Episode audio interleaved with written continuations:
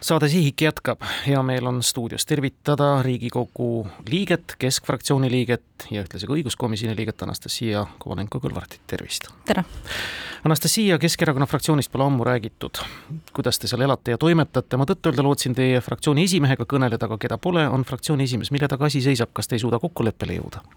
no esiteks, ma arvan, kõige suurem küsimus on alati, et kuidas on nüüd nii, et meid on nii vähe, et kuidas me saame oma tööga hakkama jah, et äh, esiteks äh, noh, praegune see olukord, mis meil on juhtunud tegelikult Riigikogus, on see, et Riigikogu juhatus pole juba üle kuu aega äh, te, meie erinevaid taotlusi tegelikult nendega tegelenud. esiteks, meil on üks liige, keda me soovime üle viia sotsiaalkomisjoni ja seda teht-, pole tehtud juba üle kuu aega. ja ma olen tegelikult kirjutanud ka kirja õiguskantslerile sel teemal, sest tegelikult äh, Riigikohus on juba aastal kaks tuhat viis öelnud, et kõiki saadikuid tulenevalt vaba äh, mandaadi põhimõttest ja ka võrdse kohtlemise põhimõttest tuleb kohelda võrdselt tema mandaadi teostamisel.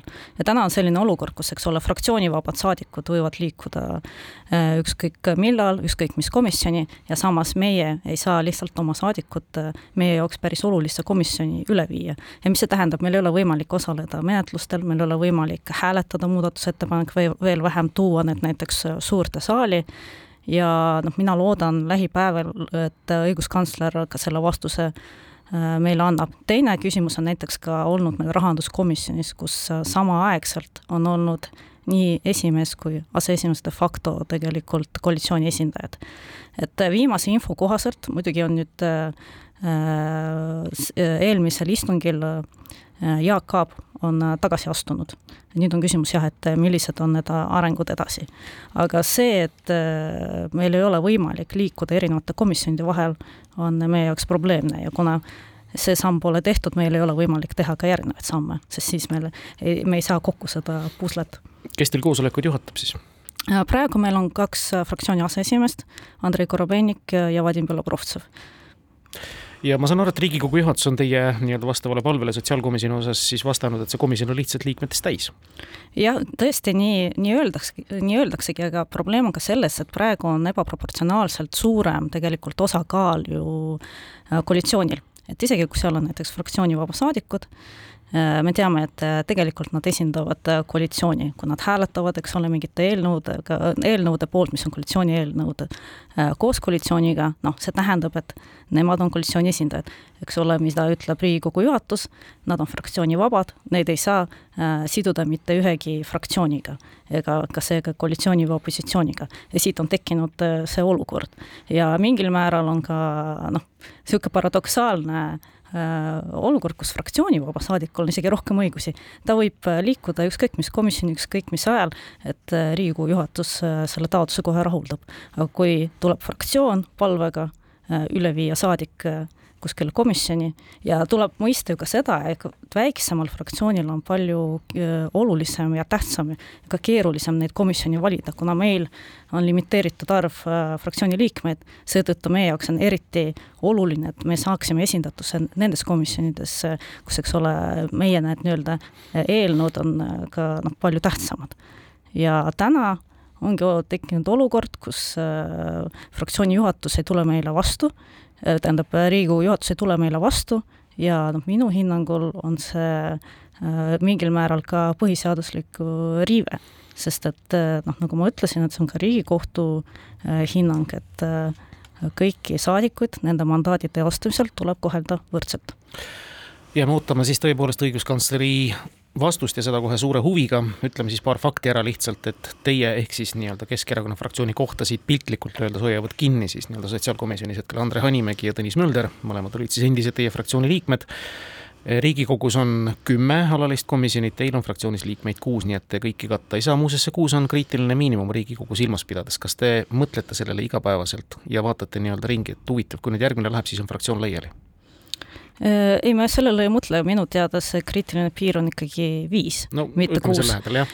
et äh, ei, absoluutselt me sellele ei mõtle ja tegelikult noh, mis ma tahtsin juba kohe intervjuu alguses ka öelda, et tegelikult väiksema seltskonnaga on palju parem ja lihtsam tööd teha ja palju efektiivsem. sest et äh, noh, nagu ma mäletan, Lauri Laats ühes intervjuus ütles, et sellise seltskonnaga võib ka luurele minna. ja tõesti, nii see on, kõik otsused me, kõik öö, lahendused me leiame koos, arutame koos, ei ole mingisuguseid selja taga arutelusid, ei ole nii-öelda need tagatuba, et kõike me alut-, arutame alati koos ja võtame otsused vastu konsensuslikult. ma väga vabandan, üks kuulaja palus teilt seda küsida, aga ma küsin selle ära, mis keeles te neid koosolekuid peate? ikkagi eesti keeles, meil on nõunikud, osalevad nendel koosolekutel ja nemad on eestlased, muidugi töökeel on eesti keel. võib-olla vahel mõned saadikud omavahel räägivad vene keeles, aga ei, ametlikult meil on muidugi, meil tulevad alati erinevad huvirühmad näiteks kohale ja et muidugi töökeel on eesti keel. Arusaadav, seda on hea kuulda no nüüdseks olete siis sellel luurerühmal, nagu te nimetasite, seljad kokku pannud ja olete välja tulnud teatega, et eesseisva automaksu vastu, automaksu menetlemise vastu te ei näe muud moodust, kui liituda selle obstruktsioonirongiga. on see ikka hea mõte, arvestades seda, et mis sellest võib välja tulla? see seotakse lihtsalt usaldusega taas ja ongi kogu lugu? esiteks, täna me ei tea, kas see seotakse usaldusega ja teine oluline moment on see, et äh, üks äh, Riigikohtu otsus on veel tulemata. See on siis äh, üks eelnõu, mida siis president äh, saatis äh, Riigikohtusse, et anda hinnang, kas see usaldushääletusega vastuvõtmine oli kooskõlas põhiseadusega, sest tegelikult, kui me vaatame, ma lugesin kokku, eelmise aastaga võeti vastu kakskümmend üks erinevat seadust usaldushääletusega. ja nüüd on küsimus, kas Riigikohus on valmis ütlema, et kuskil on piir, sest tegelikult siin on see oht, et äh, kui jälle võetakse see vastu usaldushääletusega, siis see tähendab, et võimude lahususe printsiip hakkab ära hajuma, sest see tähendab, et Vabariigi Valitsus astub seadusandja rolli, seadusandja kingadesse, sest tema ju võtab läbi selle meilt, Riigikogu liikmetelt, võimaluse ära esitada muudatusettepanekuid, neid hääletada, et isegi näiteks sisulisi, näiteks eelmised kõik Äh, eelnõud, me esitasime alati sisulisi muudatusettepanekuid ja mitte ühtegi me ei saanud hääletada. olgu see eelarvemenetlus või mõned muud maksutõusud. kõik see kadus ära, sest see, see seoti usaldushääletusega. Ja tegelikult, et äh, mina arvan, et kui valitsus äh, teeb otsuse, et ka siin minna seda teed pidi, et mina arvan, et ka siin võib olla president võtab jällegi päris äh, radikaalse seisukoha ja võib-olla jätab ka selle välja kuulutamata. aga meie põhimõte on see, et meie olemegi automaksu vastu, mina alati ütlen, et see on kolmekordne maksustamine, meil on käibemaksu tõus läbi selle, on juba autod läinud kallimaks läbi selle, varuosad on läinud kallimaks, teenused, meil tulevad aktsiisitõusud, läbi selle tegelikult äh, juba Äh, maksavad kõik autoomanikud rohkem ja need, kusjuures maksavad rohkem, kes, kelle auto tarbib rohkem kütust. tegelikult läbi selle juba on see nii-öelda noh, CO2, eks ole, kliimaeesmärgi saavutamine, et äh, kui auto, eks ole, reostab rohkem, siis äh, niikuinii maks-, maksab see omanik rohkem läbi kütuseaktsiisi ja kolmandaks on siis see automaks ise, ehk siis kolmekordne maksustamine ehk siis ükskõik inimene, mis mootorsõidukit ta omab, ta peab äh, äh, nii-öelda, riik kogub kolm korda äh, seda maksu. no ja muidugi, et see mõjuanalüüs, mis on selle eelnõu juures, noh, tegelikult see ei ole tegelikult põhjalik. Nad ei ole läbi viinud analüüsi, kuidas see võib mõjutada maal elavaid inimesi, tegelikkuses ettevõtteid, vähem kindlustatud peresid, paljulapselisi peresid ja eriti meil pole mõjuanalüüsi kõikide maksude lõikes, kus need, kuidas nad hakkavad mõjuma koosmõjus ettevõtlusele, majandusele ja muidugi igapäevasele toimetulekule. Teid on nüüd kuus ja te olete opositsioonierakond, te pole ainus, kes on vastu automaksule, eks kogu opositsioon ühtsena on sellele vastu, kõigil on suhteliselt sarnased argumendid ka. kuidas on koostöö kulgemas teiste opositsioonierakondadega teil parlamendis? mina ütlen, et noh, koostöö on äh, alati pigem sisuline.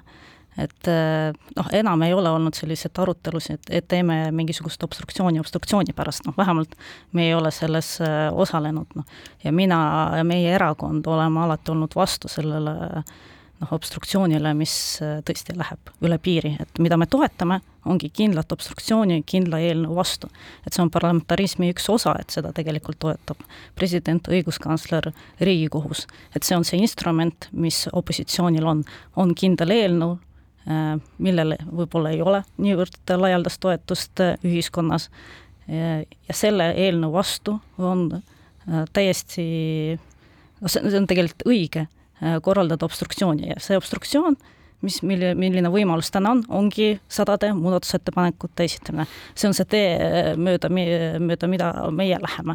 mul kahjuks praegu pole informatsiooni, et mis täpne plaan on äh, Isamaal või EKRE-l, aga ma usun, et kui näiteks läheb muudatusettepanekute hääletuseks, siis ma usun, et me toetame teisi erakondi. ma mõtlengi, et te olete oma fraktsiooniga kuidagi natuke veidrasse seisu opositsioonis surutud, et eh, noh, Isamaaga pärast seda, kui teie kolm liiget on sinna läinud, noh, ühte enam seal küll ei ole, noh, Jüri ütles viimasena, et on nagu mingit läbisaamist või, või kasvõi töist jutuajamist, konstruktiivsust?